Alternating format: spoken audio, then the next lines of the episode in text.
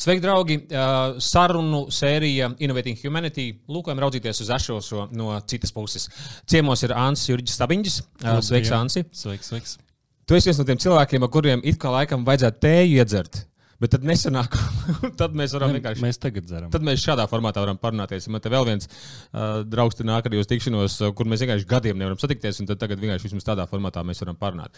Uh, Parunāju par šo lietu, kas mums abiem laikam ir uh, tuva kaut kādus vairākus gadus jau tēma par apziņotību. Un, um, Atšķirībā no manis, tu esi čakls, tu esi sociālos tīklos, tu ļoti daudz Facebookā lietas kaut kādas lietas, kas man liekas, ka ļoti, ļoti forši. Aizvien mazāk. Uh, Pat pie tā, ka mazāk, bet tas ir forši, ka tu to dari. Jo es, es galīgi neesmu rakstītājs. Man kaut kā nerakstās īsti ar, ar tādiem sociālajiem tīkliem. Bet um, runājot par apziņotību, šobrīd man tāda viena tēma, kas parādās, uh, tas ir gan Ukraiņas kontekstā, gan vispār mūsu sabiedrības attīstības kontekstā, gan um, sociālo tīklu un koncentrēšanās samazināšanās kontekstā.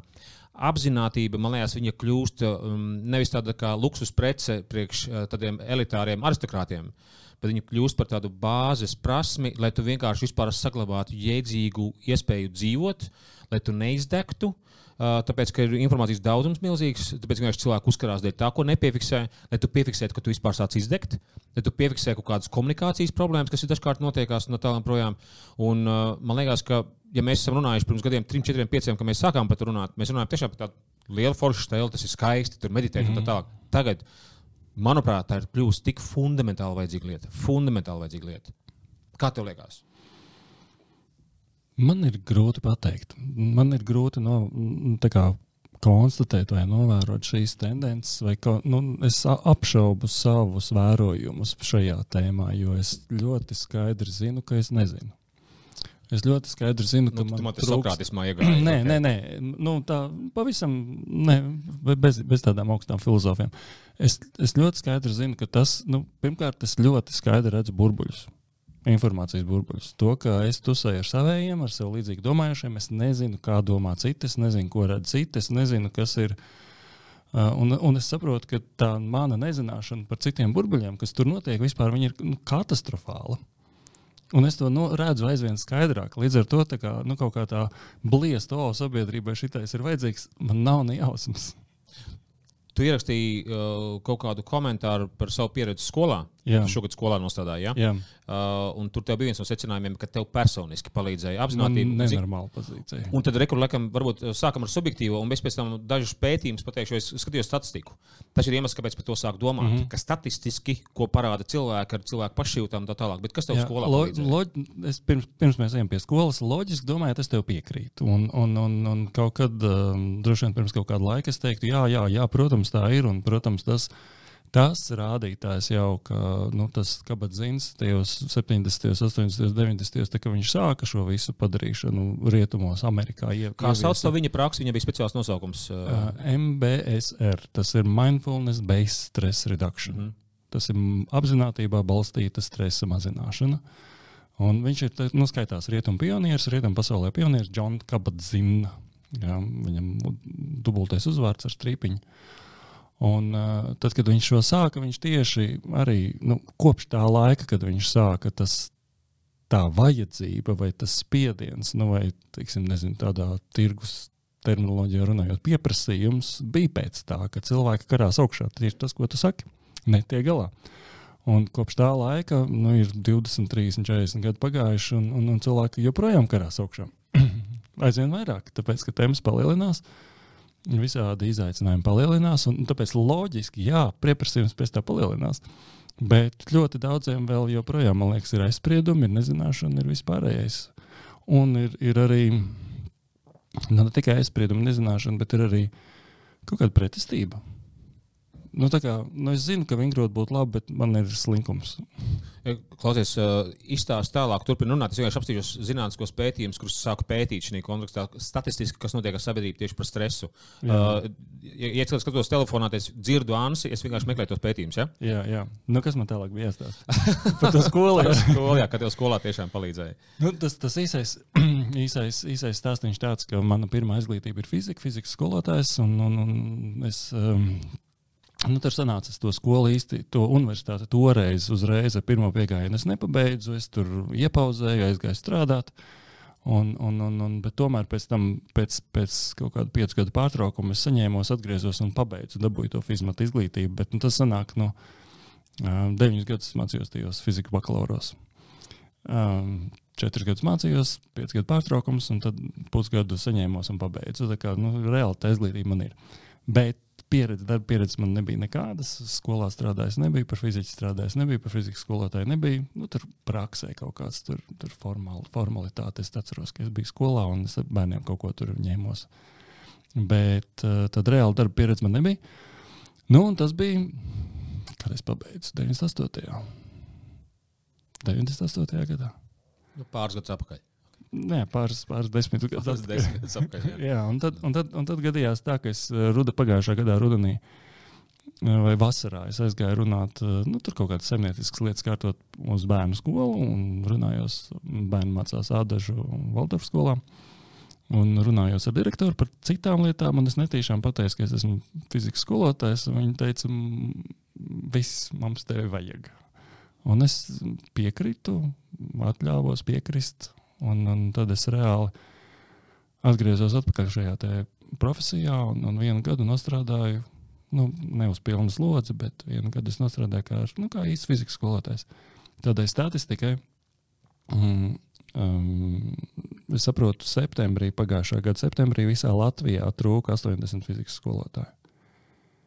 Pa visu Latviju 80 vakances bija. Mums ir 600 skolas apmēram šobrīd. Jā, es nezinu precīzo Es arī ciparu. nezinu precīzo Jā. ciparu, bet tas, tas ir tas, ko es dzirdēju, ka 80 skolotāju trūks. Tas nozīmē, ka nu, nu, tas ir vispār. Nu, man nevajadzētu būt fizikas skolotājam ar, ar to, ka man ir 30 gadu pārtraukums. Jā, un ar to, nu, tas, tas ir vienkārši. Es esmu pilnīgi tāds cauruma lāpītājs šajā brīdī.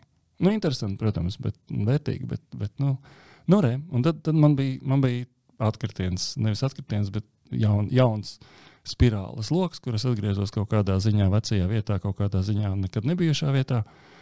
Un bija tāda ļoti interesanta kombinācija, ka man ir, nu, es, kā pasniedzēju, man nav problēmas. Ar pieaugušiem man nav problēmas. Runāt par apziņotības tēmām, par meditācijām, par prātiem, par visu kaut ko, par emocionālu inteligenci. Nekādu problēmu. Es zinu to tēmu.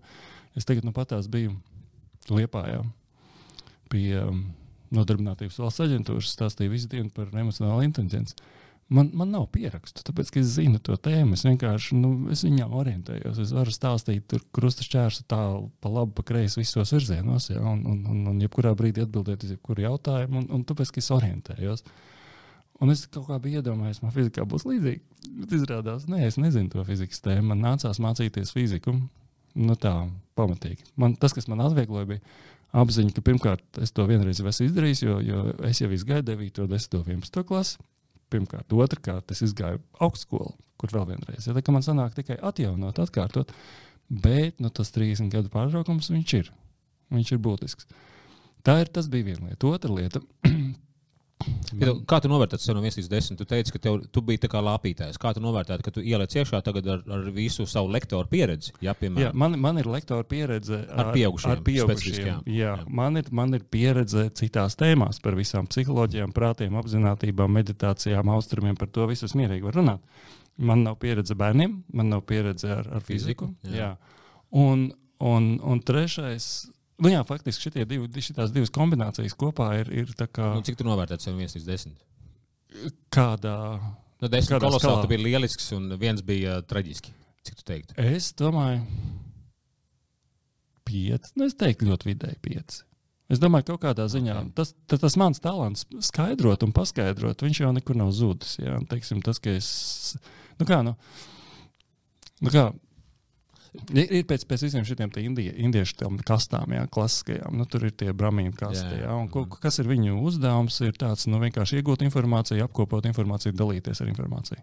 Nu, tas ir tas, ko es daru. Es lasu, es saprotu, es pastāstu citiem, ko es esmu izlasījis, ko es esmu sapratis. Tas ir mans talants. Šito tikai nevajag stāstīt indiešiem, kurš to tagad pateiks. jā, jā, jā, jā. Es, es to stāstu mūsu rietumu versijā.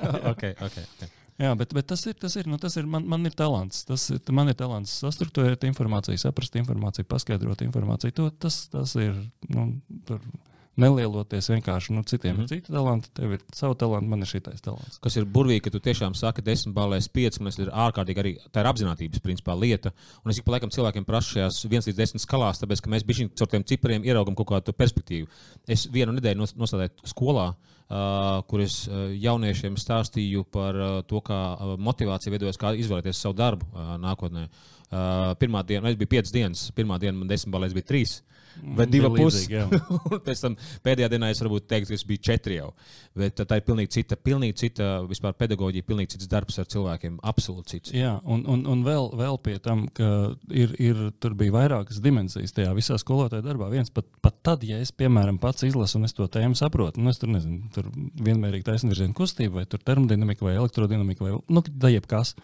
Tad, kad es esmu iebraucis, es viņu saprotu Tad parādās nākošais jautājums, okay, tagad kā lai es šo pastāstu mm. skolēniem? Lai iesaistītu, lai viņi sadzird, atcerās. Tur nu, vat, iesaistīt ir viena lieta. Tad tagad man vat, lekcija ir visvienkāršākais, jā, bet ir... visneiedzīgākais. Jā, jā. Jā, jā. Tad, tad nu, tur kaut kāds izdomāt kaut kāds eksperiments, izdomāt kaut kādas demonstrācijas, kaut kādas spēles, kaut kādas rotaļas. Tad man dot uzdevumus, tad man, tad man kādus. Tad man, un tad tur, protams, klases ir lielas un tur ir ātrie un, un lēnie, un, un, un apģērbīgie, un, un netika apģērbīgie. Cits starpā skola 23 mācību materiāli ir tagad fizikai? Viņi šobrīd fizikai, fiziķi ir viena no pirmajiem, kas iet šitam cauri, un šo gadu. Visu gadu reizi mēnesī fizikas skolotāji tikās. Daži fizikas skolotāji izstrādāja materiālus, vispār ietikās un, un, un testēja un aprobēja tos materiālus. Burtiski sestdien vēl bija viena no tikšanās, un vēl, man liekas, jūnijā ir vēl viena. Līdz ar to kā, nu, šobrīd pa 90% tādi, tādā nu, otrajā draftā viņi ir gatavi. Mm -hmm. Un ar cerību, ka uz nākošo mācību gadu viņi būs. Mm. Bet, um, Bet tev bija jāģi, fiziķi ir viena no pirmajiem, jā, okay. kam, kam šitais ir. Jā, jā. Jā. Tā kā, un jebkurā gadījumā man, es, es daļai arī pieteicos tajā programmā, tāpēc, lai dabūtu tos jaunos materiālus. Jā, un, un tur, diemžēl, nebija tā, ka nu, mēs negājām pēc mācību gada programmas. Tur vienkārši bija nu, kaut kas, ko Es stāstīšu, stipri vēlāk bija tad, un tad kaut kas, ko es jau pastāstīju, vēl nebija. Nu, tur tur visādi tā, tur, tur, tur ne, ne, nebija tā chronoloģiska secība. Bet, um, bet nu, kāpēc mēs par šo runājam? Ja? Tad uh, bija tas stāsts, ka tā mana apziņotība, tā mana, nu, pirmkārt, pirmkārt šī tā visa rezultātā es pieredzēju milzīgu stresu. Es pieredzēju tādu stresu, kādu es nebiju redzējis gadiem. Starp citu, tava komunikācija ļoti nomainījās. Tu biji tiešām tu paliki spocīgs. Es ka kādā brīdī vēl rakstīju, vai tev viss ir kārtībā. nu, burtiski tu no malas pat nezinot, kas jā, jā, jā, jo, jo, jo bija tā, ka tajā, man, nu, tajā adreses skolā, ka tur ir mazliet citas tas mācību princips, tur ir cikli. Tas ir, tas ir nu, ja mm. tajās cikla nedēļās, kad ir fizikas cikls, tad uh, tur ir tā saucamā galvenā stunda. Uh, maziem bērniem ir viena galvenā stunda dienā, lieliem bērniem vidusskolā divas. Uh, Un tad uh, es stāstīju to. to Nu, galvenā stunda tas nozīmē, ka visu nedēļu viņiem ir mm. fizika. Ja? No pirmdienas līdz piekdienai. Ienestam, uh, esam tajā jā, informācijā, un, nevis raustamies. Jā, jā un reizēm ir, ir, ir, teiksim, ir nu, divas nedēļas vai trīs nedēļas no vietas. Ja? Un tajās nedēļās, kad man bija fizika, tad, tad bija tā, es no rīta aizēju uz skolas, tur nolasu, tiek izdzīvoju tās nodarbības, ja? pēc tam es nāku mājās un gatavojos līdz, nezinu, diviem naktī un kaut kas tam līdzīgs. Un, un, un, un, un, Un, un es saprotu, ka man ir tik daudz jautājumu, un es nevaru viņus nu, citādā veidā. Es pat nevaru paprasīt kolēģiem. Viņi kolēģi man saka, nu, prasiet, tev kaut ko vajag. Es saku, bet es pat, es pat nevaru paprasīt, tāpēc, ka nu, es, nu, nu, man ir jautājums, tad, ja es šito rītā viņiem stāstu, vai viņi sapratīs. Ja man, es gribu šo apjomu izstāstīt, vai šis būs pietiekoši vienai stundai, vai tas būs par daudz, vai tas būs par maz. Es to ne, nu, viņ, mm. kurš man to var pateikt? Neviens. Es tikai rītā varu iet klasē un tad redzēt, vai, vai tas ir pietiekoši apjoms, vai tas veids, kā es izdomāju stāstīt, ir foršs, vai, vai, vai viņš strādā vai nestrādā. Nu, viss, nu. Tev, principā, ir lekcija. Cik tev dienā bija? Uh, Stund... Stundas klātienē, 3 stundas, 5 stundas. Nē, nē, nē, nē, nebija ne 3, ne 5. Tur ir divas galvenās stundas, 10, 11 klasē. Un katra ir 40 minūtes. Nē, nē, nē divreiz 40. Divreiz 40. Tad, sanāk, tev ir principā 4 stundas, 4 akadēmiskās nu, stundas. Nu, div, divreiz 2. Uh -huh. okay. Divreiz 2. Okay. Jā. Okay. Visā tas ir tādas garas, 240 minūšu lekcijas ar iesaistīšanu, ar interaktivitāti. Jā, jā, jā tur, tur, tur nu es visu kaut ko, visu, tu visu kaut ko mēģināju. Un, un tad, tad nu, nu, tur. Pasaka kādu piemēru, ko tu visdolāk, ko tu mēģināji sadarīt, lai iesaistītu. Nu, tad paigi dūliet tur nebija. Nu, es tur, tur devu mājas darbus, tur, tur vajadzēja, piemēram, bija, bija, bija ziema, ne, bija, bija ziema, piemēram, jā. Ah, Zie- Ziema bija, un, un, un, un viņi brauc tur kaut kur slēpot uz kaut kādiem Madonas kalniem. Un tad es devu viņiem Jā, uzdevumu. mājas darbs kalnos. Okay. Jā, nu, nu tajā kalnā, teiksim, viņi, viņi brauc pa kalnu. Tur ir slīps kalns, jā, tur nomērīt, kāds ir tas slīpā kalna garums, un tad viņi ieskrienās un brauc uz leju, ātrums pieaug, un pēc tam brauc pa taisno, un ātrums samazinās. Un nomērīt to vienu slīpumu, otru slīpumu, nomērīt vienu laiku, otru laiku, un tad atnākt mājās un sarēķināt, kāds bija ātrums, kas bija pātrinājums, kāds bija ātrums kalna apakšā. Kāds bija pātrinājums slīpajā posmā, pātrinājums taisnajā posmā. Nu, nu tāds, tas nav nekas dūls, jā, bet Šis ir jauks. Šis, šis, šis ir jauks, jauks. jā. Man liekas, ļoti jauks. Man fizika ļoti, ļoti patīk skolā. Mhm. Bet, uh, šis ir interesanti. Jā, okay. Jo, iedomājieties, ka tu pasaki mājas darbs, tad, principā, tev jā, jāmaina nosaukums. Tāpēc, tas kaut ko citu asociēs, tev būtu jāsaka kalndarbs. Kalndarbs. Šī Jā, gadījumā nu, tur, bija, tur bija visādi. Jā, tur okay. Ok. bija visādi. Labi, tad, tad rekurors tās, ejot apkārt pie tās apziņotības, tad tev kā skolotājiem un apziņotība. Jā, Jā. tad, numur viens, ko es vienkārši gribētu vēl uzsvērt, tad cik gadus tu apziņotību praktizē jau? Nu, kā varētu teikt, tu regulāri tu to dari. Um, Cilvēkiem patīk cipari priekšprātiem. 5 gadi, 10 gadi. ne, desmit. 10 gadi. Tātad 10 gadus tu esi praktizējis, un Jā. tagad tu ienāc skolā. Jā. Jā, un tagad, lai arī, principā, ja gadījumā kāda vecāka skatās, vienkārši, lai saprastu, ko nozīmē vispār skolotājiem darbs skolā. Ja, tāds. nu, skaidrs, ka tu esi kā iemests kā kucēns, kuram jāmācās peldēt, bet tāpat tās, es tu esi desmit gadus praktizējis to apzinātību, un tev šoks ir liels, stress šo- sistēmai ir liels. šoks bija li- milzīgs, stress bija milzīgs. Jā, un, un, un galvenais tas, tas trakums jau ir kāds, ka es jau saprotu, no kurienes tas šoks radās. Es jau saprotu, es jau zinu tos šoka, stresa mehānismus, šoka mehānismus. Un es saprotu, ka nu, nu es redzu visu to, to iekšējo virtuvi, kā tur, kā tur. Es redzu, kā mans prāts sāk fantazēt visādus tur negatīvos scenārijus? Kas tur notiek, ja tur bērniem nepatīk, un viņi aiziet mājās, un viņi pastāsta vecākiem, un vecāki zvana uz skolu. un Dramatizācija, Jā, traģedizācija. jā, jā, jā, tās, viss, viss šitais. Un es jā. redzu, ka mans prāts šito visu sāk ģenerēt. Jā. Mm. Un, un, uh, un, un ka es naktī tur pamostos un domāju, ah, man rītā vajag piemēru, tur izdomāt, varbūt labāk nevis uzdevumus, bet labāk tur kaut ko. mm, Pastāvīgos darbus, labāk nevis pastāvīgos darbus, bet tur laboratorijas, bet laboratorijas darbam man vajag šī. Viss vienkārši drž, tur tas viss griežās. Un tev miegs arī bija tā kā palika plānāks. Tur, tur, tur man bija visi, visi, visi simptomi. Man bija pilns komplekts, man bija slikta duša no rīta braucot uz skolu.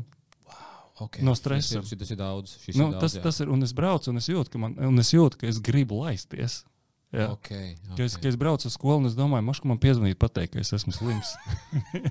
Skolotājs bēg no stundām. Nē, pastāv nopietni, nevis, Es nevis, saprotu, nevis no stundām, jā. bet no stresa. Es ne? saprotu, protams, protams, protams jā, tu kortizols ap citu mērīju, Nē, pamēģināji. es neko ne, es šitos Neko- lietas nedarīju. Es vienkārši Ok. okay. nu, ar savām tām lietām. Jā, es, Ok. okay. es vienkārši saprotu, es saprotu ka, nu, ka, ka vienkārši tās ir tās parastās fizioloģiskās, Mm. mm. psiholoģiskās, fizioloģiskās reakcijas. No sākuma viss sākās ar psiholoģiju, ar fantāzijām, par ļauniem scenārijiem, kas aiziet fizioloģijā, no kā man paliek slikta duša.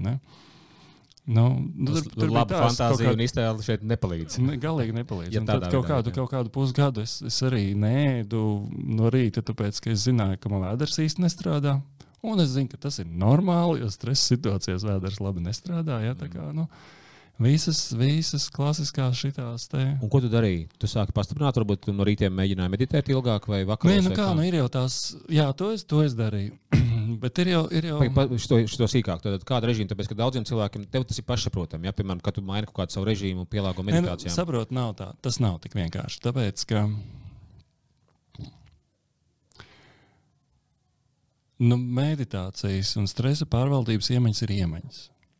Un viņas ir mm, līdzīgi kā ar jebkurām citām iemaņām, viņas nu, treniņu posmā, tu viņas, viņas no sākuma nesanāk, un tad tu lēnām viņas sāk apgūt, un tad viņas sāk sanākt, un sanāk aizvien labāk.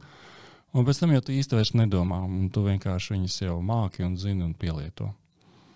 Un, un, tad, un tad reizēm gadās tā, nu, ka es, tā mana dzīve pirms skolas bija tāda, ka es nu, vispār es nezināju, kas ir stress un tā. Un tagad, tagad es tā, nu, tā, tā ļoti empātiski saprotu, ah, šī tas, par ko cilvēks sūdzās par stresu. Ja, kad nu, naktas nu, gultā jādomā par darbu, ja, kad naktas vidū pamosties domā par darbu vai ne. Es to nebiju gadiem redzējis, to biju aizmirsis. Tāpēc, ka es biju tik labi nu, iekārtojies, ja, ka, ka viss bija perfekti. Un tagad tas viss atgriezās, ja, un, un atgriezās tā, ka es to vēl nebija tā, ka es uzreiz to noķēru. Tāpēc, un es ieķē, iekritu arī tajā, ka ai, man nav laika praktizēt, jo man ir jāgatavojas rītdienas stundai.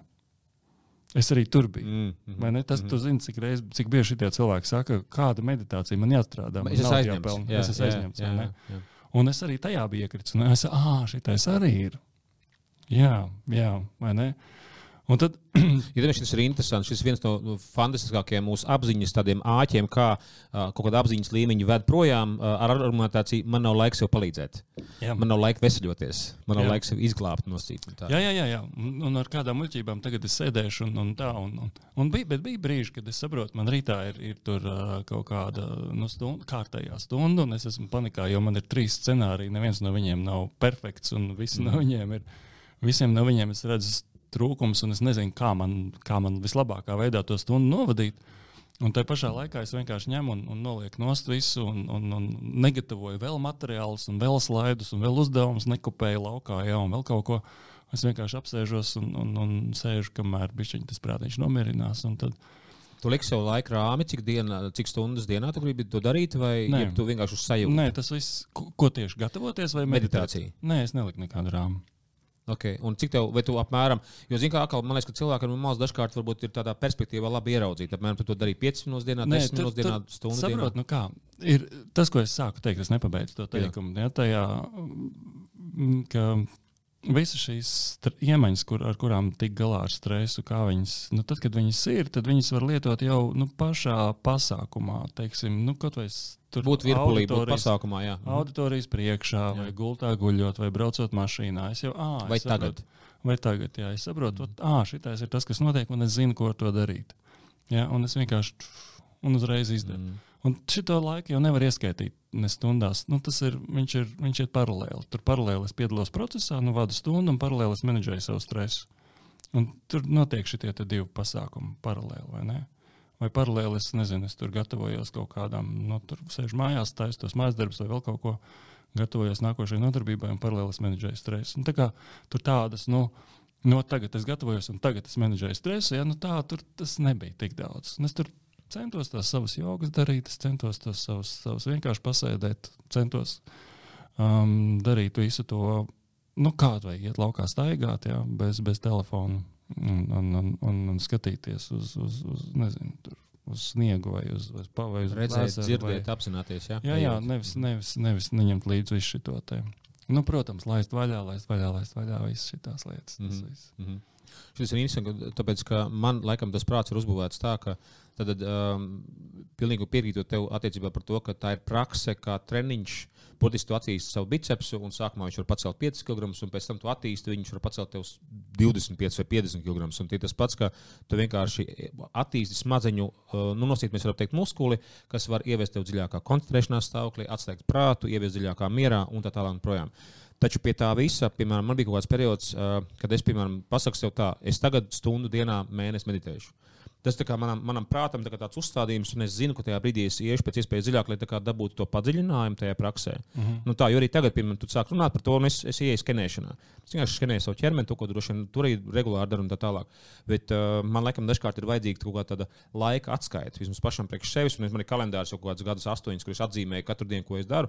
Tas vienkārši atķeksēju, tagad, reku, šomēnes esmu meditējis tik vai tik. Manam prātam tas ir interesanti, ka tas mm. joprojām tā kā palīdz. tā. Cilvēki dažādi, man tas nestrādā. Okay.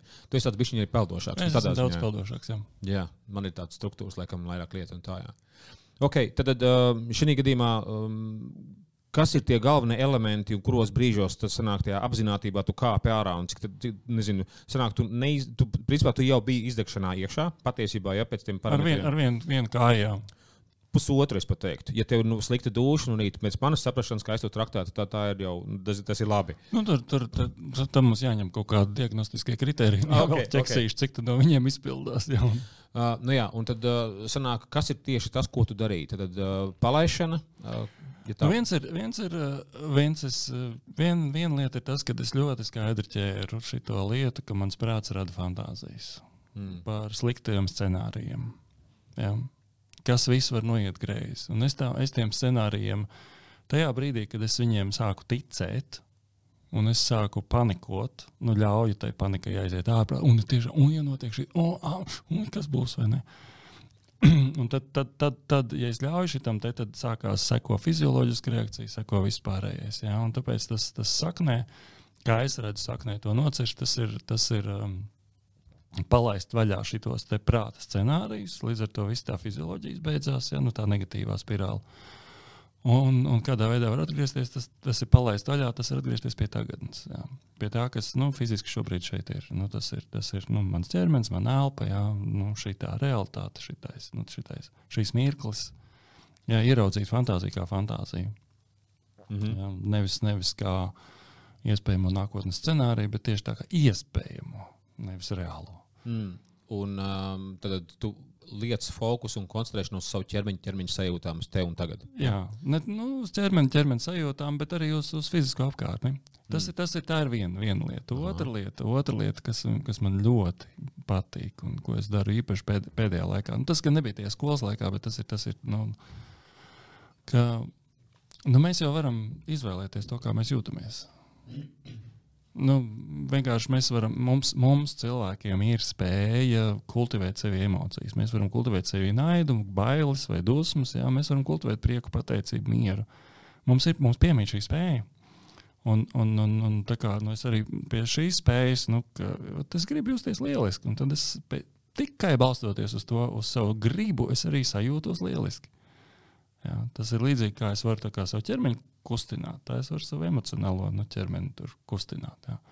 Un, un, un arī šito nu, praktizēt, praktizēt mieru, praktizēt. Uh, Nu, tādu mazu atgādināju par to, ka arī šis ir muskulis, kas ir jātrenē. Jā. Arī tas savā ziņā tas ir daļa no iztēles, ja tu māki uh, virzīt savu, burtiski kaut kādu iztēles objektu vai domāšanas objektu kaut kā virzienā, un ja tev ir milzīgs spiediens no tām negācijām uztraukuma, tas ir muskulis, kas ļauj tev tomēr aizvirzīt to savu prātu. Jā, jā. Pirmais piefiksēt, un pēc tam ir aizvirzīt uz citu. Jā, jā, un tagad tas saka, šitais ir iztēles muskulis, ja tad um, viņš jau ir ļoti, ļoti attīstīts, bet viņš ir attīstīts uz to negatīviem scenārijiem. Kas ir atkal bioloģiskās tas... evolūcijas pamatā, jā. loģika, izdzīvošana un tā tālāk. Jā, jā, bet, bet tas ir tas pats muskulis, kurš jau mums ir. Viņš vienkārši jālieto, viņš ir cits saturs. Otra kā jāattīsta. Jā, jā, es saku tā, kā nu, mums ir process, mums jau ir attīstīts. Mums vienkārši cits saturs jāieliek. Jā.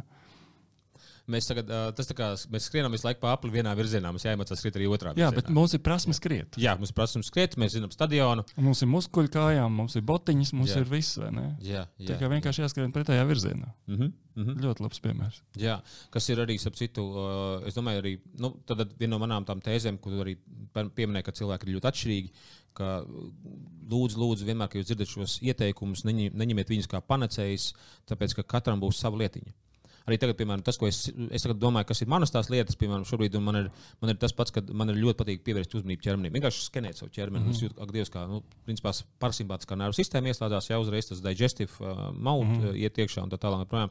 Vai arī es esmu sācis runāt, un daudziem tas skanēs pilnīgi dīvaini, es atvainojos, es esmu sācis runāt ar enerģijām. Nu, tā kā burtiski man ir kaut kāda uh, enerģija nākusi, un es tā kā burtiski saku, kas tu tāda esi, kas, kas, kas tev pavēstījumi ir, ko tu gribi man pateikt. Un, uh, restīvi, tu vari nokomunicēt kaut kādas lietas. Tu vari pateikt, tad es respektēju tevi, bet šobrīd es izvēlos citu, un es tevi mīlēšu arī tad, ja tu nebūsi manā, manā klātbūtnē, manā Jā. dzīvē. Nu tā, es, es domāju, ka daudziem tas būtu skanējis pilnīgi dīvaini. Bet daudziem atkal tas var ļoti, ļoti uzrunāt. Ļoti. Jā, tāpēc, ka tas, tad, no kur gala es nāku, kad viss, viss dzīvē ir apzināts. Pilnīgi viss, ko mēs esam, visas enerģijas, kas mūsos ir, visas domas ir pašapzināts, kas mēģina realizēties. Un tad uh, mēs runājam, komunicējam ar visu, kas mums ir apkārt, mūsu apziņā un tā tālāk. Viss ir apzināts. Viss šī pasaulē, viss vienalga, kur mēs esam, viss ir apzināts. Nu, man ir pilnīgi pretējs, absolūti totāli pretējs stāvoklis. Tad uh, nekas nav apzināts. Nekas nav apzināts. Mēs varam, mēs vienīgi ir tikai apziņa var apzināties kaut ko. Tās lietas nevar apzināties paši sev. Šis ir interesants stāsts. Šis būs cits. cits jā, jo tas man liekas, bija stāsts par to, ka mums laikam atšķirās arī redzējumi par brīvo gribu. Es atceros, tur kaut ko uzrakstīju, un es, es, es, es, es redzēju tavu ierakstu, un es domāju, kaut ko rakstīt. Huh, nu es, es vienkārši neesmu rakstītājs. Tāpēc arī visiem parasti visos Facebookos, Instagramos, vienalga, kur es atvainojos, es neesmu rakstītājs. Mhm. -huh. Tā nav mana lieta. Tā, jā. klausies, Re, es tagad iegāju par to, ka es varu prasīt pašā sākumā par to apziņotību kā pamatpraksi. Tad es uztaisīju nesen vienu kursu, kurā ir stāsts par to, ka pie manis atnāk cilvēki mācīties, un tad viņi saka, mums vajag uzlabot tur attiecības ģimenē, vai man tur vajag atrast kaut kādu jēgpilnību dzīvē, vai ar to stresu mazināt. Un cilvēki mēdz būt tik noguruši, ka viņi, nevi, ka viņi nevar sākt atpūsties. Jā. Kur nu vēl mācīties? Un tad vienkārši uztaisīja atgūst enerģiju kursu, un tad vienkārši man nācās iet cauri visiem tiem pētījumiem, vai tiešām atkal nav burbuļu gadījums. Es kaut ko izdomāju, kaut kāda cilvēka atnāk, taču reku tad uh, tie ir kaut kādi pāris dati, kas tiešām bija diezgan šokējoši. Tad, vismaz man, tad uh, 20% cilvēki uh, neteiks un neatzīs, ka viņi ir uh, izdeguši, tāpēc, ka viņiem liekas, ka viņi paši vainīgi. Jā. Uh, 30% nevar atšķirt uh, izdegšanu no depresijas vai uh, aizkaitinājumu, anxiety. Trauksmes. Uh, 20% negribēs uh, atzīties vispār, ka, uh, ka viņi ir izdeguši tikai tāpēc, ka viņiem liekas, ka nebūs atbalsta. Tāpēc arī uzņēmumos, pieņemsim, cilvēki neatzīstās, tāpēc, ka varbūt zaudēs darbu vai vēl kaut kas tamlīdzīgs un tā joprojām. Uh, denial or, avoidance, uh, vienkārši uh, noliegums, it kā tepat nav dziļāks paskatījums, 20%. Uh, high achiever mentality. Tad tie, kas ir, es esmu veiksminieks, man viss tas, tas ir tipisks mans stāsts. Mm -hmm. Es, kādā, es, es regulāri savulaik izdzeru, izdegu divas reizes gadā, vispār bez, bez variantiem. Divas reizes gadā. Un es to tiku, tiku ar to galā pirms kaut kādiem gadiem, laikam, četriem es pēdējo reizi izdegu. Uh, nu, tā pamatīgi. Un šogad es esmu divas reizes ļoti tuvu arī nogājis. Nu, tu vienkārši jūti, ja, mm -hmm. ka tie pat tās pazīst, pazīst teritoriju. Uh, kas zīmīgi man jaunums parādījās, ka man auss aizkrīt. Ja man ir nu, tāda pazīme, ok, re, ka es esmu tuvu, man vienkārši mm -hmm. auss aizkrīt, tad viņa lenītēm atnāk vaļā. Tā, 50% uh, ne, nezinu vispār, kā, kā izdegšana manifestējās. Ja, tu tagad pateici kaut kādus pāris parametrus, vienkārši mm -hmm. dēļ tā, ka mēs ar to strādājam ar skolotājiem, ar uzņēmējiem, uzņēmumiem, tad līdz ar to mums tā kā, ah, ok, tā 50% neatzīst, tāpēc, ka viņiem ir kauns un samulsums, ka man ir izdegšana, ka es esmu, nu, laikam, es esmu vārgulis, ja, mm -hmm. un tā tālāk. Uh, Starp citu, šitais, šitais moments, es arī tagad testēju Nu, es uzrakstīju to Facebook ierakstu, jā, bet, bet tagad, nu, sanāk, kameras priekšā, mikrofonā ierakstā. Es publiski stāstu par to, ka man bija slikta duša iet uz skolu no rīta, kad es sēdēju mašīnā pie skolas durvīm. Milzīgs paldies par to. Jā, jā, un, un, un, bet, bet es, es sevi ir iekšā, man arī ir, ah, Hans, vai tev to vajag stāstīt? Tu taču esi šitāds guru, un tagad tu stāsti, ka tā, tu pats ar sevi neties galā, ko cilvēki tev padomās. Tā doma arī ielavās iekšā, jā, un, un, un, un, mm, un, un, un tad, kad no šitais cilvēki, viņiem bail to atzīt, viņi kaunās to atzīt, vai ne, un liekas, ka ā, mēs būsim tur vāji un, un, un par mums nezinu, smiesies vai vēl kaut ko, vēl kaut ko, tad es, es, varu, es varu iedomāties, kā tas ir. Kas ir interesanti, es esmu par to, lai mēs pie tā, ka mēs atzīstam, ka mēs esam vāji, uh, Uh, lai mēs nebūtu upurī. Jo, ok, upurim ir viens solis atzīt, ja kaut ko esmu vājš, bet, ja tu neliec klāt risinājumus, tad paliec upuris. Mm -hmm. Un šī situācijā tu stāsti, kā tu risini to. Mm -hmm. Un tev liekas, tā burtiskā starpība. Tad, numur viens, nebaidīties par to runāt. Tas tā kā nebaidīties runāt par jebko, ko sabiedrība, kaut kādā tabū, kaut, kaut kādas tēmas, kas ir. Ir šī tā viena tā lieliskā, tā Brenē Brauna To es redzēju, talku. Viņai tāda, tāda sieviete, viņa ir um, psiholoģija un kaut kas tamlīdzīgs. Viņai ir vairāki talki. Nu, kaut kur es tev aizsūtīšu linku, tu varēsi pielikt komentāros, vai nezinu, tur titros pielikt. Okay. Kāda ir pamatēma, ar kur viņi iet, iet cauri? Caur to, ka atļaujoties būt ievainojamam, mm. tu iegūst milzīgu spēku. Mm -hmm. Mm -hmm. Tas ir, tas ir tieši tā, ka nu, atļauties būt ievainojamam. Nu, tas ir principā emocionāli, intelektuāli vai apziņotības pirmais stāsts. Es vienkārši apzinos un es ļauju tam būt. Es necīnos ar to, es nemēģinu apslāpēt. Tas, tas ir ne, ne tikai apziņotība, vairāk kā es dzirdu, apziņotība vairāk tas ir paš, pats, pats ar sevi, pats pie sevi. Bet bū, atļauties būt ievainojamam, tas ir, tas ir attiecībās. Mm. Tas ir, tas ir bišķiņ cits, nu, cits līmenis, cita dimensija. Mm -hmm. Es vienkārši es eh, nu, kaut kā kļūstu redzams, es, kļūstu, es izlieku sevi. Es vienkārši pasaku, man ir tā, bet es pasaku, un ne, ne, tikai, ne tikai apzinos, ka man ir tā, un, un citiem neko nesaku, bet es arī pasaku, ka man ir tā. Ja, tas ir, tas ir, un, un es ļauju, lai citi ar to kaut ko dara. Ja?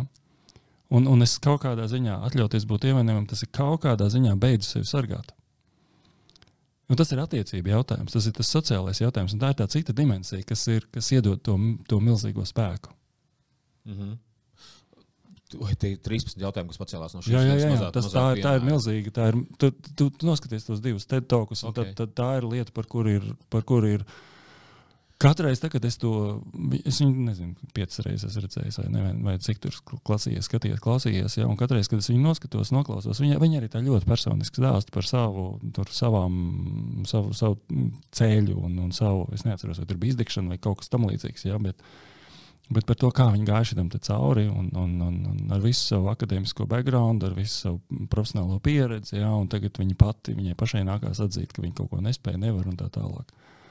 Un, um, Un, un tas, tas ļoti, ļoti, ļoti jaudīgs. Tā kā, varbūt kaut kādu var ieteikt nākošo tēmu, kaut nākošajam, nākošajai sarunai. Jā, jā, katrā ziņā um, man liekas, ka šī stresa lieta ir, kā lai to pasakā, viņa skan triviāli.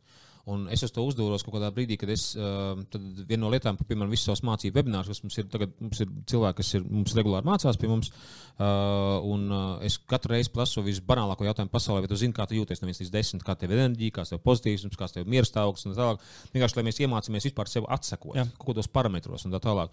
Un es redzu, ka mēs esam fantastiski augstprātīgi pret sava ķermeņa stāvokļa apzināšanos vai savu emocionālā stāvokļa apzināšanos. Un tā augstprātība ir patiesībā tā, tāda um, aizsardzības reakcija, kur mums ir tā skala, kā es to saprotu, mums skalā vienā pusē ir totāls uh, upurisms. Tad es esmu upuris, es esmu vājš, es neko nevaru. Es esmu upuris mm. vienkārši. Un viss ir vainīgi, man tur ir darbs vainīgs, vēl kaut kas, vēl kaut kas. Es nedomāju par ēšanu, es nedomāju par fiziskām aktivitātēm, meditācijām. Es vienkārši esmu upuris. Un otrs ir tas, es esmu tas grit, gribas spēks cilvēks. Es neko, man viss ir kārtībā, man viss ir normāli. Es maucu. Man, es maucu. Es vienkārši kā māku tā maunu, kā sāku maukt 12 gados, tā es maucu līdz 40, 50 gadiem, kad man ir pirmais infarkts vai kaut kāds milzīgs problēmas, kad dzīve var arī nākt pa galvu. Nu tā. un rekur trāpīt tajā vidū, kurā mēs uh, neesam upuri bet mēs esam nu, atzīstam sev, un mēs mākam atzīties citiem. Un šis ir laikam tas uh, svarīgais pārējais posms, jo man viens radinieks tā aizgāja. Viņš vienkārši nemācīja, viņš arī gribas spēku cilvēks, ļoti godīgs, ļoti atbildīgs uh, cilvēks. Vienkārši nemācīja pateikt sev, kam ir stress, mm -hmm. uh, kam ir pār, pārdegums, un nemācīja radiniekiem pateikt. Un viss uh, aizgāja, tā, nu, aizgāja vienkārši. Tā, jā. Un tas ir interesants stāsts par to, par to pirmo atkal apziņotības posmu, laikam vispār piefiksēt sevi. Jā, un es domāju, tas vulnerability, ja tā ievainojamība, principā tas ir tāds liels jautājums letiņiem, kur mums ir jābūt tādiem nu, formā, formīgiem, jā. veiksmīgiem. Bet ne tikai mums, tas ir, tas ir nu, viņi ir amerikānieti. Jā. Mm. Nu, tas ir. Tas ir, nu, tas ir mentālitātes pēc, pēc būtības jautājums. Es domāju, ka dažām nācijām ir dažādas tās, tās nianses, uh, ko vecāki bērnībā grib dzirdēt vai negrib dzirdēt. Nē, no es, es vienkārši par to, ka tas man liekas, um, kā reizi nē, kā reizi jebkurā nācijā šitais ir, ka būt ievainojumam tas ir grēks, netikums un slikti. Jā, ka ah, tev ir sevi jāsargā. Jā, tādā ziņā, ka. Nu, Viņa, būdama amerikāniete, stāsta šo stāstu par to, cik, nu, cik Amerikā ir nepieņemama būt ievainojamam un cik atļaujoties būt ievainojamam, cik lielu spēku tu vari dabūt. Un, un mums, mm. Latviešiem, tieši tas pats. Nu, nav, es te neredzu, es te, nu, ir, ir kultūrāls atšķirības, bet ne šajā jomā. Šis varētu būt ļoti interesanti. Man, man interesē statistika par šo. Jā. Ļoti interesanti statistika, jā. jo iespējams ir kaut kas, no kā var mācīties kaut kādas citas režīmas. Tas kā, piemēram, webināros kaut kādos nu, letiņi ļoti atturīgi. Tā kā webinārs ir kaut kādiem ārzemniekiem, tur atkal skandināviem, skandināvs bija tikpat atturīgi, kur bija Norvēģiem kaut kāda nesen mācības. Pilnīgi tas pats, tas ka tikai letiņas tā, tikai angliski, bet tikai letiņi mm -hmm. priekšā un tā. Un tikai kaut kādi, es nezinu, bišķi vairāk uz dienvidiem, tie paši kaut kādi vācieši vai holandieši, piemēram, tur vispār nu, ir, ir, ir starpības tajā visā. Šis ir interesants paradoks par to, ka, jā, ka cilvēcei šis ir tāds globāli neatrisināts jautājums. Jā, vispār iespējams. Jāpapēta. Mm -hmm. Tiešām jāpapēta. Jā. Okay. Klausies, un tad uh, runājot par to apziņotību. Um, um, Kā tev šķiet? Uh, tad uh, man šis jautājums vienkārši vēlreiz no šiem pašiem pētījumiem, ja, kas nāk tas, nu, tā, tāda vispārīga ārpus burbuļu pētījuma uh, par to, ka uh, tā ir lielāka problēma nekā, nekā šķiet. Uh, Kā tev izskatās arī par tiem pašiem bērniem? Tu varētu tiem bērniem, kas ir no Valdorfas skolā, tāda specifika, tur tomēr ir ar, ar zināmu attieksmi, laikam jau mm -hmm. vispār vecāki, kādi ir sūtījuši bērnus uz to skolu un tā tālāk. Uh, bērniem sākt mācīt, uh, nezinu, Latvija kā maza valsts pēc būtības, ja? nu, ieviest iz, apzinātību skolās. Mm, nezinu vēl. Es vēl, es vēl, es tā kā kaut kur man 3, 4, 5 vietā prātā stāvēja šis jautājums ja, par to, ka nu, jo, jo ļoti daudz to prasa, un es redzu, ka tur ir Es redzu, kā tie bērni tur, es nezinu, tur ne visi, bet daži tur, tur pilnīgi paniko par tām atzīmēm. Jā, un, un paniko, oh, es izgritīšu eksāmenā, kāpēc ā, es tur man pārbaudas darbs, mēs taču neko nezinām. Ā, tur, nu, nu, un es tad, nu, kas, nu, pagaidi, pagaidi, nu, nav tā, ka tu neko nezini. Jā. Nu, kad aiziet tajā panikas režīmā. Mm. Jā, tad uh, kaut kādas, bet, bet kaut kā šajā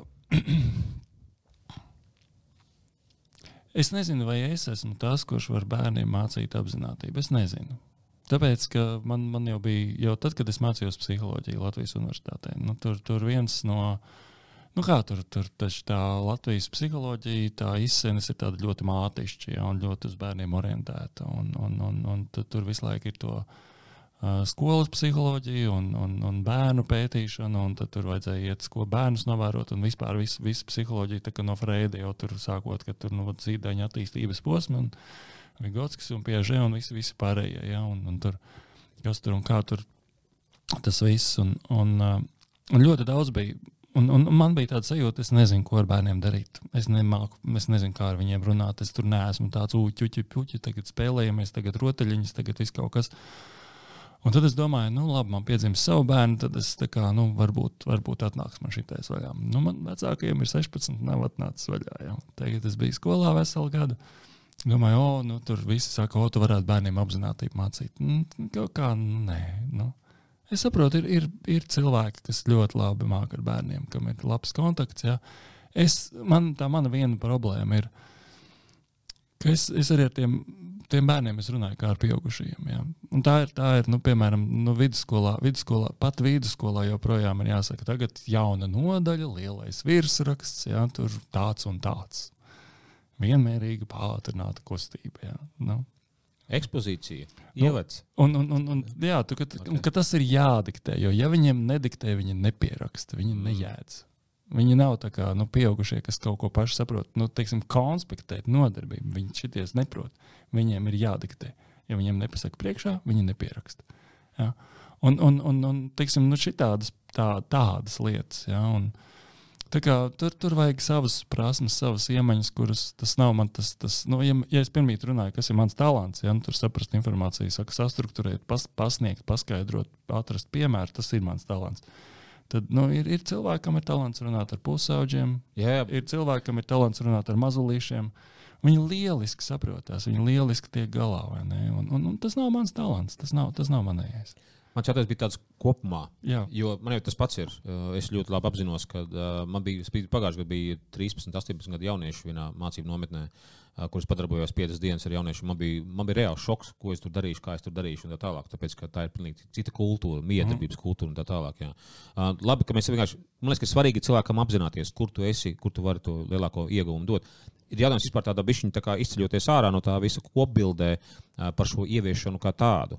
Teiksim, bērniem šo apziņotību ieviest. Jo, apcīt, vēl viens uh, elements ir, daudz cilvēku runā par kritisko domāšanu, ka viņi vajag, un skaidrs, ka viņi ārkārtīgi vajag to kritisko domāšanu. Es pats varu pacelt rokas un stāstīt visādos uh, pasākumos, kā es esmu izgāzies kritiskajā domāšanā.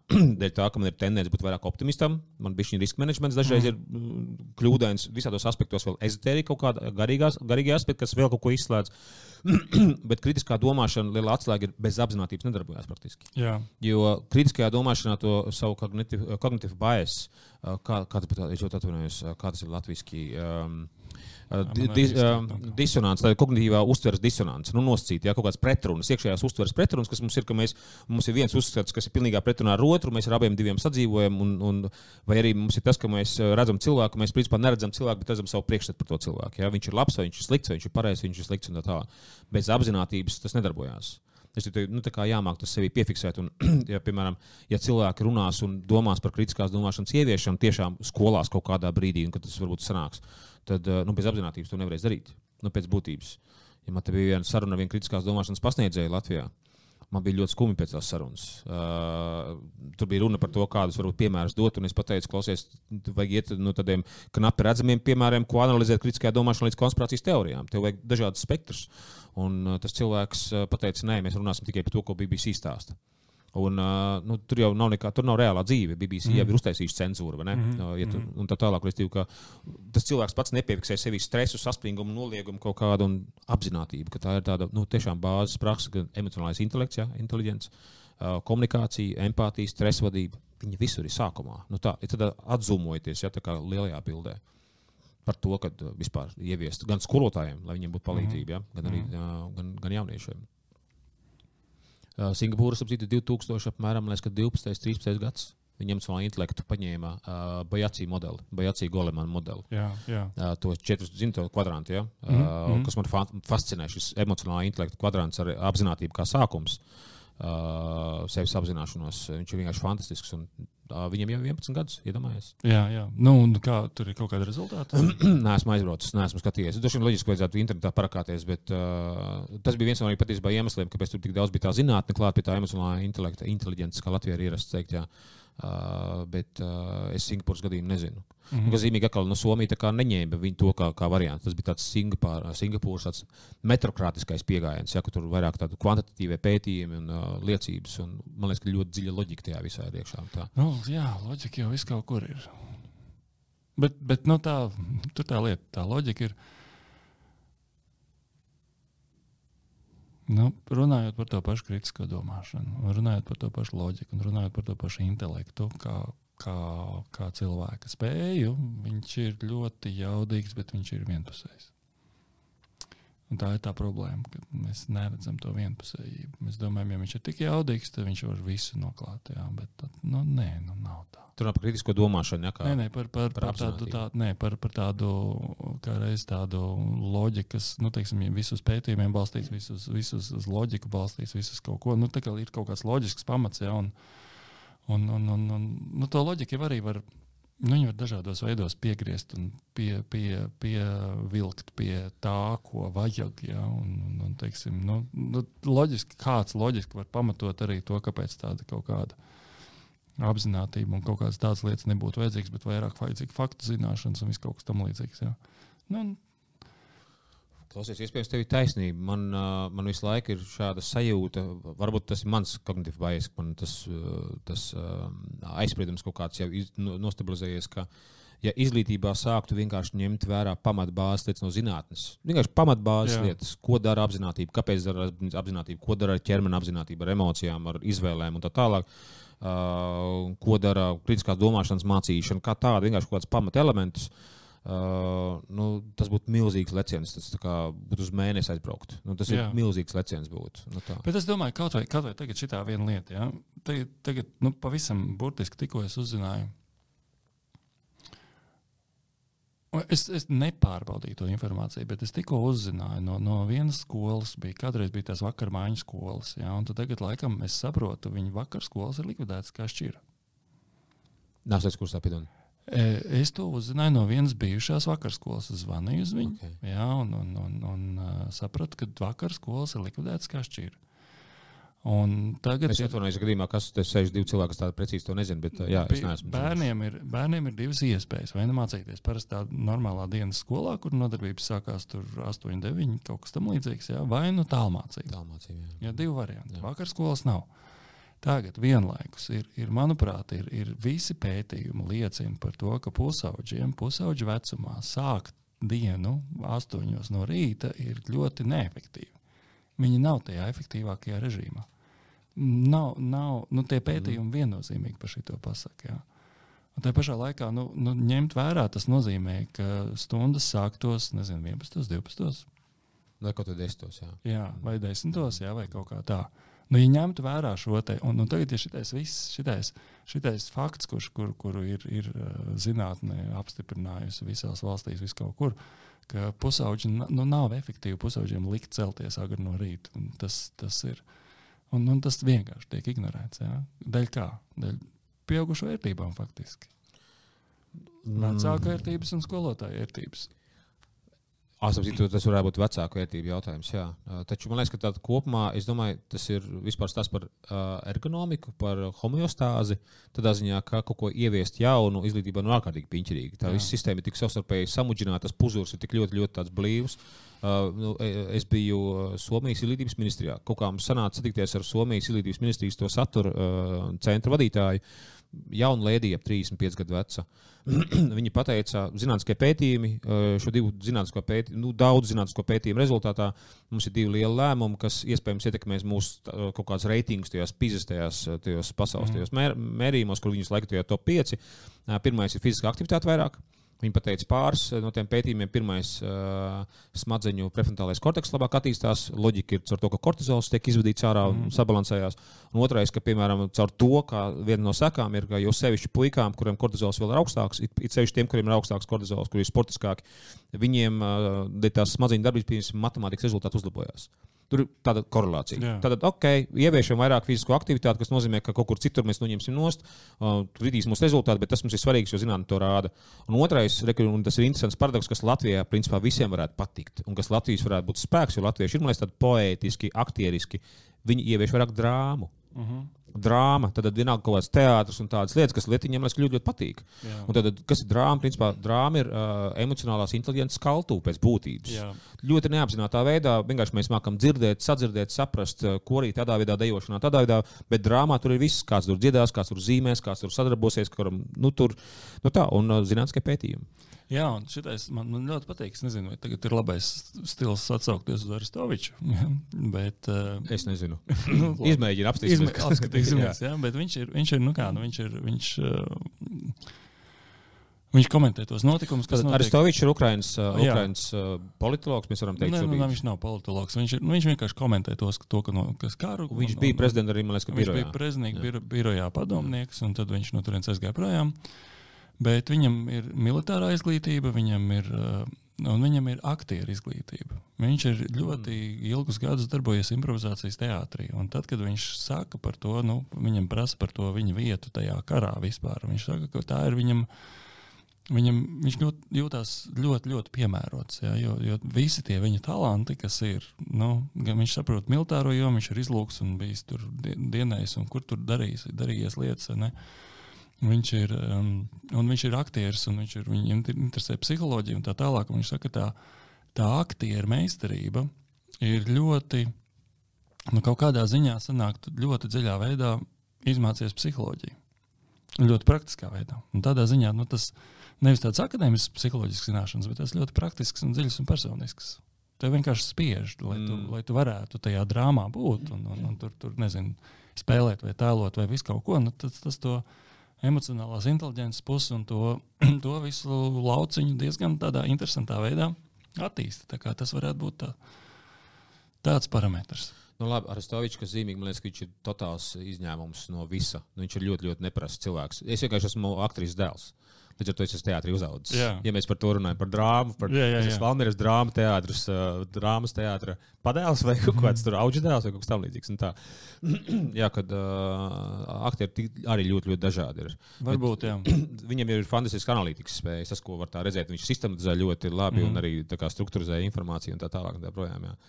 Bet, jebkurā gadījumā, es vienkārši iedomājos, ka šī sarunā atsaucoties šo piemēru par to drāmu, ka arī liekas, tas būtu tāds atspējs uh, arī ļoti daudziem, arī par stresa vadības, ap citu jasīčiem, piemēram, ja, tā ir vieta, kur izrealizēt latenti kaut kādas enerģijas, kaut mm -hmm. kādas savas emocijas mm -hmm. izdzīvot un tā tālāk.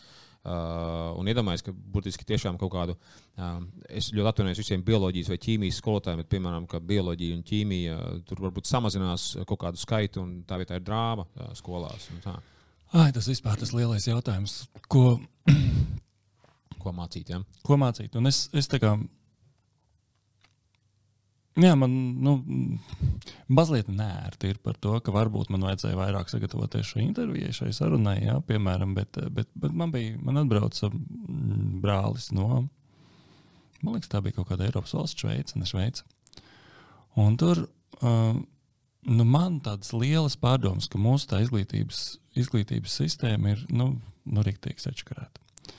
Un, uh, no kuras valsts viņš atbrauc? Nu, kaut kāda Šveice, man liekas, tā ir. kaut kāda Šveice. Okay. Bet, bet, bet, piemēram, jā, lielais jautājums. Jā, tas, tu tiešām neesi sagatavojies. Es pat nezinu, vai tā ir Šveice. Jā, es pat nezinu, vai tā ir Šveice, vai tas, ko viņš stāstīja, vai es pareizi atceros. Jo tas, tas bija pirms, pirms gada vai vairāk. Jā, tas ir cits, es gribu pateikt cilvēkiem, ka man ir ļoti liels prieks, ka cilvēki nāk negatavojušies, jo es gribu runāties. Tāpēc, jā. ka tā, ka mēs ir jaunais Rīgas teātris un nacionālais teātris. Nacionālais teātris iegūmē tekstu un jaunais Rīgas teātris varbūt kaut ko dzīvo. Es, ne, ne, es, es, es to atvainojos, es cienu nacionālo teātru un tā tālāk. Vienkārši ir princips par to, ka uh, mēs esam dzīvi. Vienkārši tu stāsti, uh, kas tev nāk ārā un tā tālāk. Jā, piedod, nu, tas jautājums ir tāds, ja, ja man. Ja man Jautājums, vai visi bērni, kas mācās vidusskolā, viņiem tiešām tur vajadzētu būt? Varbūt nevajag. Vai visi, kas Latvijā mācās augstskolā, vai viņiem tiešām tur vajag mācīties? Vai visiem? Jo, jo, jo man liekas, tas, ka mums ir tāds, tāds uz, uz masu, ka ir tik daudz um, studentu, jautājums, vai, vai, vai vajag visiem to augstāko izglītību, vai vajag visiem to vidējo izglītību? Nu, tā vidusskolas, jā, tādā ziņā. Varbūt ļoti daudz, nu, ja būtu mums jēdzīgs profesionālo skolu uh, tāds piedāvājums, kur tiešām tu vari apgūt labā līmenī profesiju tur četru gadu laikā, ja tas ir sākot no 9. līdz 12. klasē. Nu, kaut kas tam līdzīgs. Ja. Ka, ka, nu, nu, vai visiem bērniem vajag mācīties fiziku? Jo es redzu, kā tās meitenes tur mokās, un es domāju, priekš kam viņas Nu, pārsvarā ne, arī daži čaļi, ja? nu, tas nav dzimuma jautājums, bet nu, pārsvarā meitenes vai, Es domāju, ko viņi dara šeit vidusskolā, kāpēc viņi vispār šeit ir. Vai visiem vajag to fiziku? Un tas nesaka, ka fizika ir slikta, ja ir muļķīgi, ja, ja cilvēks var to fiziku mācīties, ka viņa viņu nemāca, vai viņa māca viņu tādā nu, ļoti tīzlā līmenī. Kad, kas ir tās, tās skolas, kur ir, kur ir teiksim, visa fizika, ķīmija, geogrāfija un kas tur vēl apvienots vienā dabas zinātnē, kur, kur tas līmenis un tas saturs ir, ir vienkārši nu, smieklīgs. Ja? Es domāju, ja tur ir spējīgie bērni, kuri var mācīties, un viņiem to nemāca, tas ir stulbi. Un tad, ja ir, ja ir kaut kāda programma, un, un, un tur dzēna cauri tos, kas nav spējīgi. Un tiem nav tie, kas nav spējīgi, un tas nav. Viņi ir spējīgi citās jomās, viņi nav slikti bērni. Bet, mm. bet ja visus mēģina dzīt šitai vidusskolai cauri, kur, kur ir obligātā fizika, obligātā ķīmija, tad vienkārši tas līmenis neizbēgami krītās. Ja tas pats ir tas pats, nu, Klāsts bija ierakstījis uh, Sedlnieks uh, sociālajā savā, savā Twitterī, vai kur viņš bija ierakstījis to lietu, ka viņš uzdeva studentiem jautājumu, kurā vietā tiek pieņemta likuma. Un studenti to nezina. Un viņi ir balstojuši saimnes vēlēšanās. Viņi nezina, kas ir tas mūsu valstī, kas pieņem likumus. Un tad, un tad viņš saka, ka nu, tur, tur no, no, no kaut kādiem 20 studentiem, laikam, viens vai divi zināja, kas tas ir. Jā, pārējie 21 vai 2. Jā, un, un, un, un ja, viņi, ja viņi to nezina, jā, tad, tad, nu, nu, tad kaut kādas tādas. tādas nu, Tas mans komentārs bija par to, ka nu, mēs izliekamies, ka mēs mācām un velkam cauri tur, tur nu, nespējīgus studentus. Es atceros, tad, kad es strādāju ar pīvā, bija tāda ar pīvā, es biju psiholoģijas pasniedzējs. Un, un, un, un, uh, un tā, tā bija viena no maksas, maksas, psihologa, maksas psihologa mācībām. Tur bija un mācījās tie psihologi par maksu. Tur bija ļoti slikti darbi. Un tos, sliktos, tos studentus ar tiem sliktiem darbiem vilka cauri. Tāpēc, ka ja viņus atskaita, tad samazinās grupas apjoms, samazinās maksātāju apjoms, samazinās. Un tad ir kaut kāds uzstādījums, ka grupa nevar būt mazāka kā cik tur tie, tie studenti. Un reāli sanāk, ka tikai dēļ šī tā vienkārši viss līmenis krītās, jo mēs akceptējam ļoti sliktus darbus. Un tie cilvēki arī dabū pēc tam diplomu. Viņi dabū diplomus, un viņi domā, ka viņi zina psiholoģiju. Un, un cilvēki viņiem uzticās. Un, un, viņi, un, un, teiksim, šitie te skolnieki domā, ka viņi zina fiziku. Jā. Un, uh, nu, Nu, tas, tas man liekas, tas ir, tas ir kaut kā fundamentāli nepareizi. Bet kaut kāda drosme atzīt, ka šo lietu vajadzētu mainīt. Ka ne visiem ir jāmācās, vai vispār, ka, ka teiksim, nu, mēs saprotam, kas ir spējīgi fizikā, nu, no savas puses, kas ir spējīgi literatūrā, kas ir kur spējīgi. Un ka nu, kā, bet tas, tas prasa radikālas izmaiņas, un radikālas izmaiņas prasa drosmi. Un es neredzu, ka būtu. Jā. Un arī, arī tādu apziņotību, Kāda būs tā jaunā sistēma, jā? un, un vai viņa būs labāka? Un, ai, es nezinu, vai tad atstājam veco. Nu, tā mēs velkamies. Jā, šis ir tas visdīvainākais stāsts par to, ka tur, kur mums nav traģēdijas un asinis, uh, tur ir ļoti grūti panākt kaut kādas izmaiņas. Viss paliek uh, viss ir ļoti, ļoti lēns. Jo tā analoģija ir tiešām ar to, ka, ka Zolotūdas traģēdija, ja, un tur būvās likuma nomainīja 3-4 uh, Ukraiņas traģēdija uh, un uh, aizsardzības sektors nu, liekas, nomainījis tik ārkārtīgi daudz, ko lai varētu palīdzēt Ukraiņai. Ja? Visa pārkāpjas pāri visiem kaut kādiem iespējamiem. Pieminekli nogās beidzot. Nu, piemēram, un, restīvi, tas ir stāsts par to, laikam, kad um, dažkārt nāk kāda analoģija par to, kad, uh, ka tiešām latvieši tā kā tādi vērši. Uh, ja tev ar, nezinu, ar 16 tonām pa galvu neiedod, tad vienkārši nesilti, kas notiekās. Vienkārši, nu, ko, kas tu vienkārši šlāji un ej to savu zāli. Un, ka mēs nemainamies, ja mums nav kaut kas ļoti, ļoti, ļoti sāpīgs un tiešām nu, asinspedagogu netek.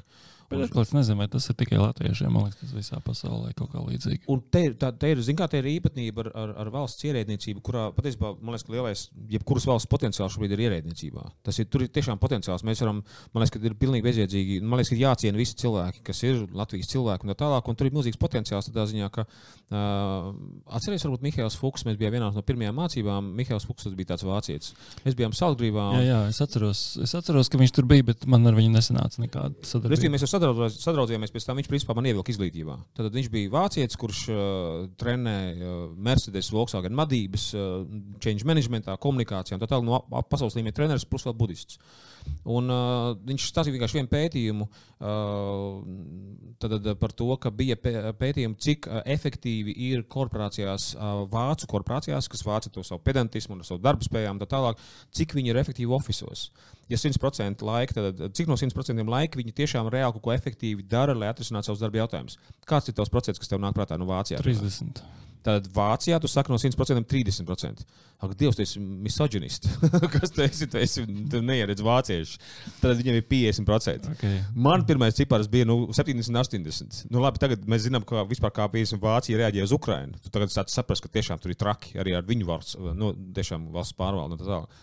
Un tad Tad tas bija, tas bija jautājums par korporācijām. Un tagad uh, viņa nākošais jautājums Mikls prasa, kā liekas, cik procentu bija efektivitāte valstīs valsts pārvaldē?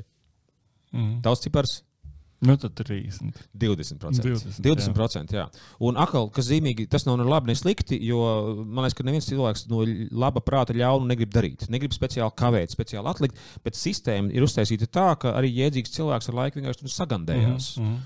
Un, un šis ir tas milzīgais jautājums par to, ka, principā, ka milzīgais valsts potenciāls ir tiešām ierēdniecībā, ja sakārto šo sistēmu tādā ziņā, ka ierēģi ir motivēti darīt vairāk, ātrāk. Un, Jo šobrīd ir ļoti daudz bail riskēt, vēl lielākas normas Eiropai un tā tālāk. Un, ja mēs aizējām uz to pašu izglītību, tad tas ir jautājums jā, par to, ka nu kā, bērnam jau tagad vajag to, to labo prasmi. Vienkārši iedomājieties, Singapūras sīči, nu kā viņi tirgu vienkārši aizslauka ar to savām, ja viņiem ir tāda emocionāla intelekta prasmes, kas tur ielikts iekšā par to komunikāciju, motivētību, stresa vadību, apziņotību, ja viņiem tas ir viss ielikts iekšā. Ja Somijam ir tagad fiziskā aktivitāte, kas attīstīja smadzenes labāk, un uh, drāma, kas atkal emocionāla intelekta attīstīja, mojas, kā tie bērni ir priekšā mūsējiem. Yeah. Tas vienkārši ir neaptverami. Principā sanāk, vienkārši mēs zaudējam, zaudējam, zaudējam cilvēkus un tā tālāk. Un cilvēki viļās paši sevi, viļās valstī un, uh, un tā tālāk. Un tā, jā. Bet šis ir tas stāsts par to, ka jā, nu, nav tā, nu, kā, nu, ko nesēž 20 bērni klasē un viņiem netek deguns, pas, asins pa degunu pareizi. Nu, tur neredz, ka viņi tur lūst vai salūst. Un, reku, bet viņos 12 gados veidojas kaut kāda ieraduma. Mm. Un, ja tie ieradumi nav pasaules līmenī, kaut kādas tās prasmes, nu, tad reku tādi Dienvidkorejas, Singapūras, Somijas bērni un tā tālāk. Un tā tālāk jā. Tas tā bija tas piemērs par to. Tad bēdīgi bildi tu zīmē? Uh, es esmu vispār zīmētājs, gleznotājs. Purvīts ir mans man autoritāte. Nē, nē, nē Purvīts, bet šis kā izvērtējis. Ak, Dievs, uh, Malēvičs, ne, bet jā, Malēvičs, Malēvičs kvadrāts. Uh, es, es domāju par to, ka uh, Eton ir tā skola Anglijā, ja, no kuras nāk te visi, uh, nu, kaut kādi 50% Anglijas premjeri nākuši. Ja? Eton, man liekas, ir tā skola. Es, es, es neatceros, es ļoti atvainojos, es te, nezinu precīzi to faktoloģisko un tā. Bet nu, arī, ko nozīmē laba skola, ja? Jā. ko nozīmē vide, kurā tu mācies un tā tālāk. Un tā sociālā nevienlīdzība palīdzība tādā ziņā, ka ir, ja tev ir 500, 800 tūkstoši eiro mēnesī, tu samaksā savam bērnam, lai viņš mācās tieši tajā skolā. Viņš mācās angļuiski, pēc starptautiskas programmas, kur ir nu, tur, kas tur ko tur, ko tur un atkal viņš ir galvas tiesa pārāks par, mm -hmm. uh, par mm -hmm. citiem. Un uh, kā tur bija Latvijā visi bērni mīļi. Šeit īstenībā nedarbojās. Ne? Restīvi, tiešām, tas, tam mērķim principā vajadzētu būt tādam, ka Latvijā visi bērni mīļi un neatlikt to, lai tiešām palīdzētu. Es ne, nedomāju, ka aizgājis, mums šī saruna no apziņotības uz šitā tēma. Jā, nu tā jā. Ēdienījās, jā. Tu tagad vienkārši noslēdzot, varbūt mēs ap stundu beigām bur, burvīgi sirsnīgi pačalojuši. Tu tagad dodies Hatkas savā retrītā, jā, uz, jā es uz braukšu Indiju. uz trīs nedēļām vienkārši pa, pa, pavingrot.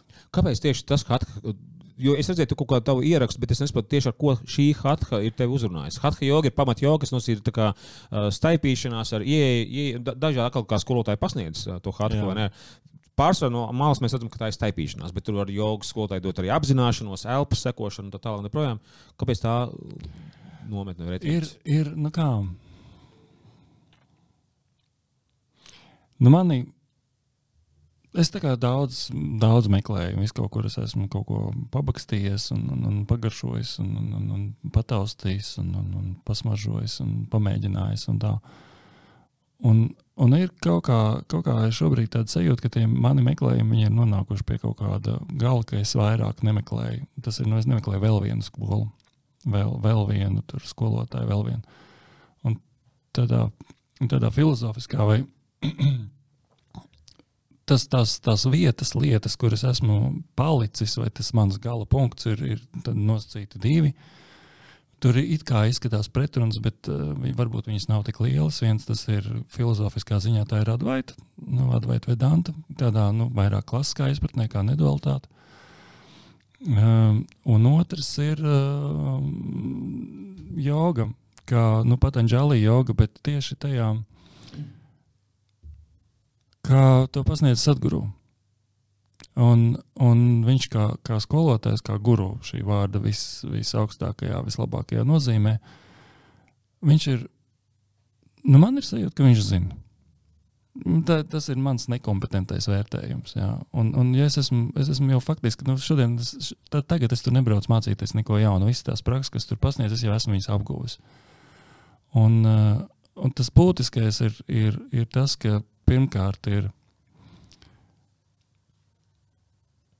tas, tas, ko viņš redzēja, ka tā rietuma pasaule, tad viņam ir viens lielisks stāsts par jogu.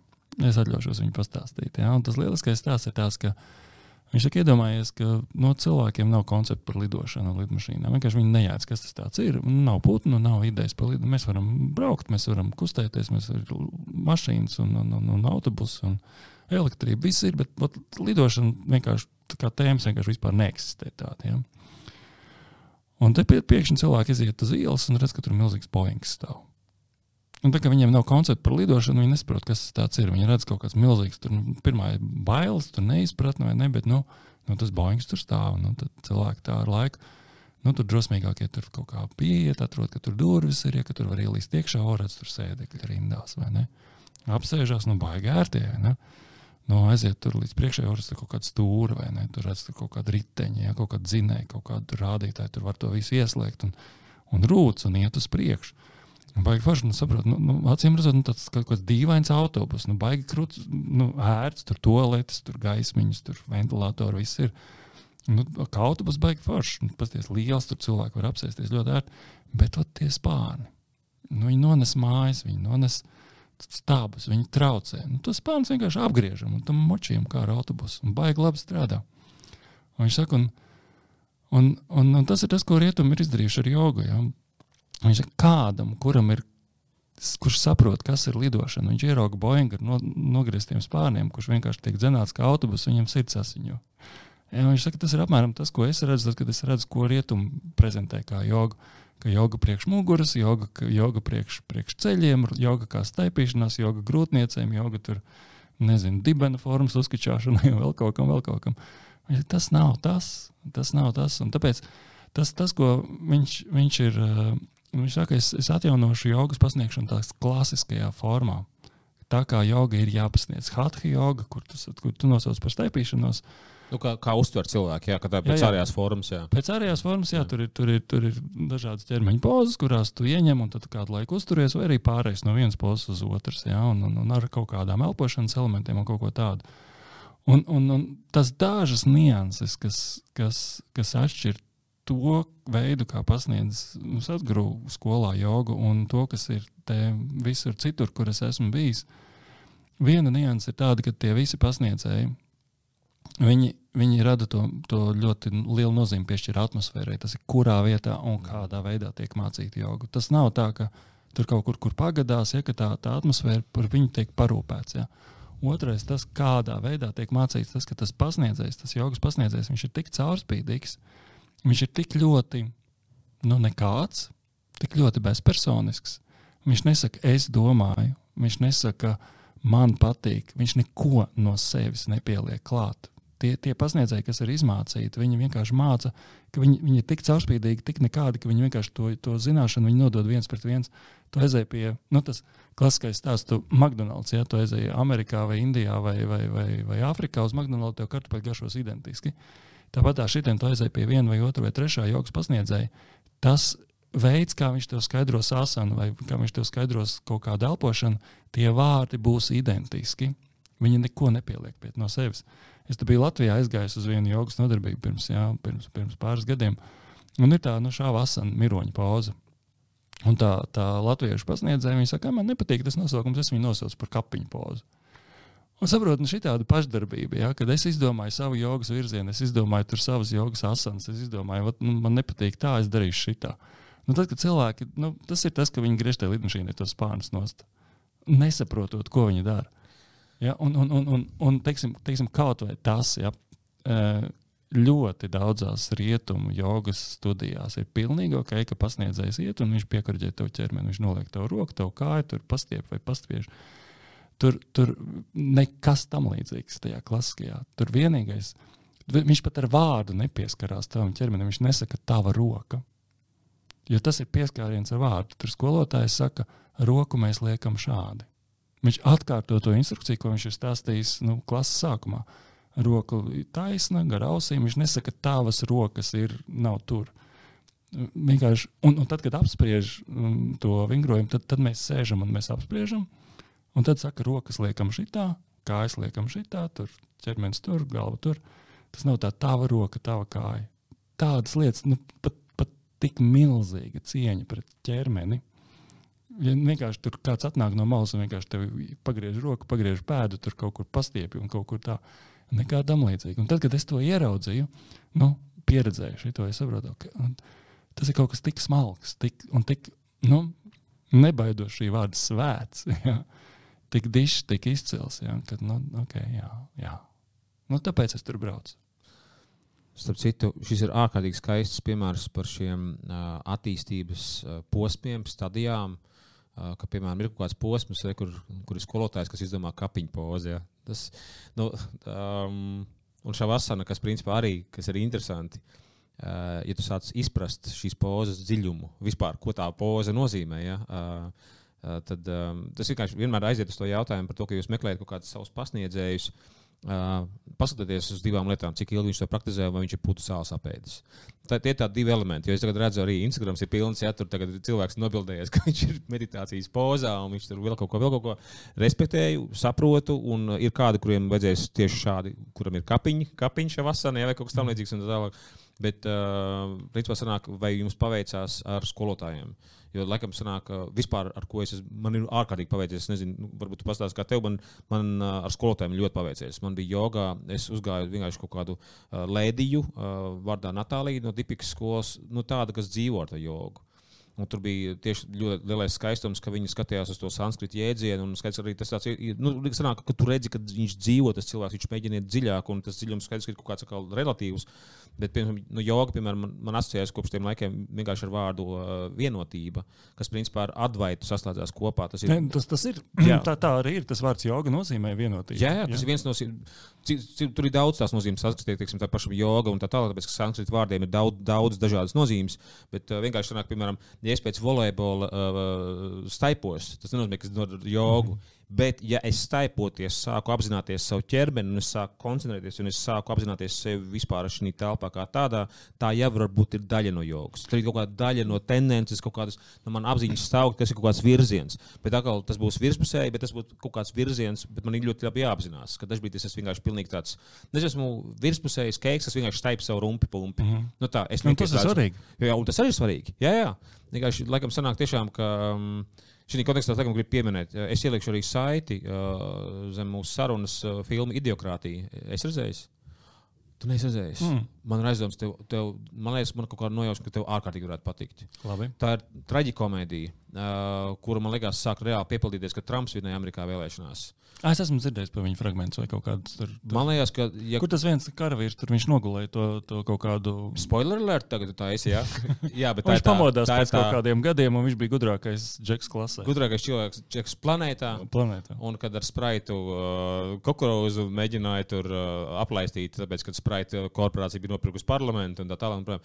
Ideokrātija. Uh, vienkārši kontekstā ar jautājumu, kur vispār sabiedrība iet, uz kurien iet. Uh, man liekas, ka tu uzdāvini sev šo dāvanu. Uh, viņi, jā, jā. viņi ir kā komēdija, bet tur ir tik realistiski. No Nē, nu, no tā. tas ir jā, viens, tas ir, tas ir arī tas, tas par šo filmu, ja, kad viņi kā, nu, izrādās nevis komēdija, bet viņa dokumentālā filma. Ja, vienkārši pirms laika uzņemta līdzīgā veidā par, par to pašu 1984 Orvelijā, ka tas ir, nu, ka tas ir arī dokumentāls darbs, nevis, nevis fantastika.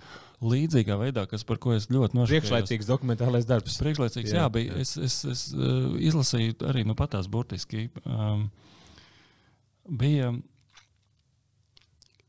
viens puisis bija nopublicējis fragment no Gebels dienas grāmatām. Nu, tas ir uh, Hitlera propagandas ministrs. Ja? Un, un tur viņš bija aprakstījis to, kā, kā vajag taisīt propagandu.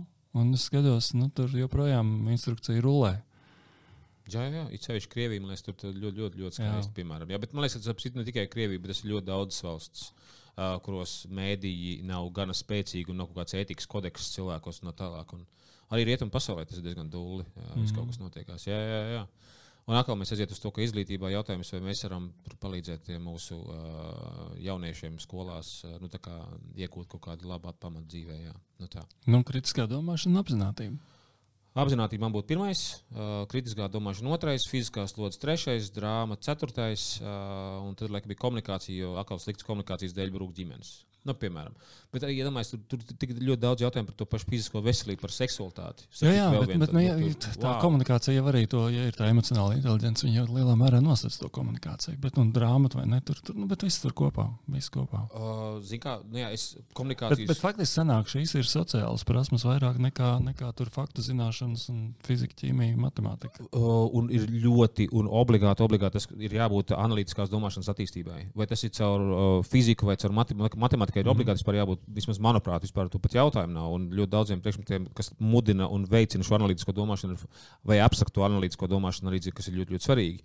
Uh, bet uh, šis ir tas, tiešām tas lielais jautājums par to, kurš būs tas, kurš saliks to virzienu. Jo tas principā ir sabiedrības attīstības virziena definējums. Tas ir tāds mm. sociāli antropoloģisks jautājums. Tad, uh, kāda mēs kā sabiedrība tieši savā mentalitātē un domāšanā gribam būt pēc 10, 20, 40 gadiem. Nu, tā, jā ka zīmīgi, ja mēs nemainām šobrīd neko īsti, nu tā arī tieši tajā saturā, tad uh, nu jā, diezgan, uh, diezgan traki izskatās. Uh, manuprāt, diezgan traki izskatās. Ak, Dievs, ka gribētu uz kaut kādas gaišākas nosaukt. Uz kurien tu brauc ap citu?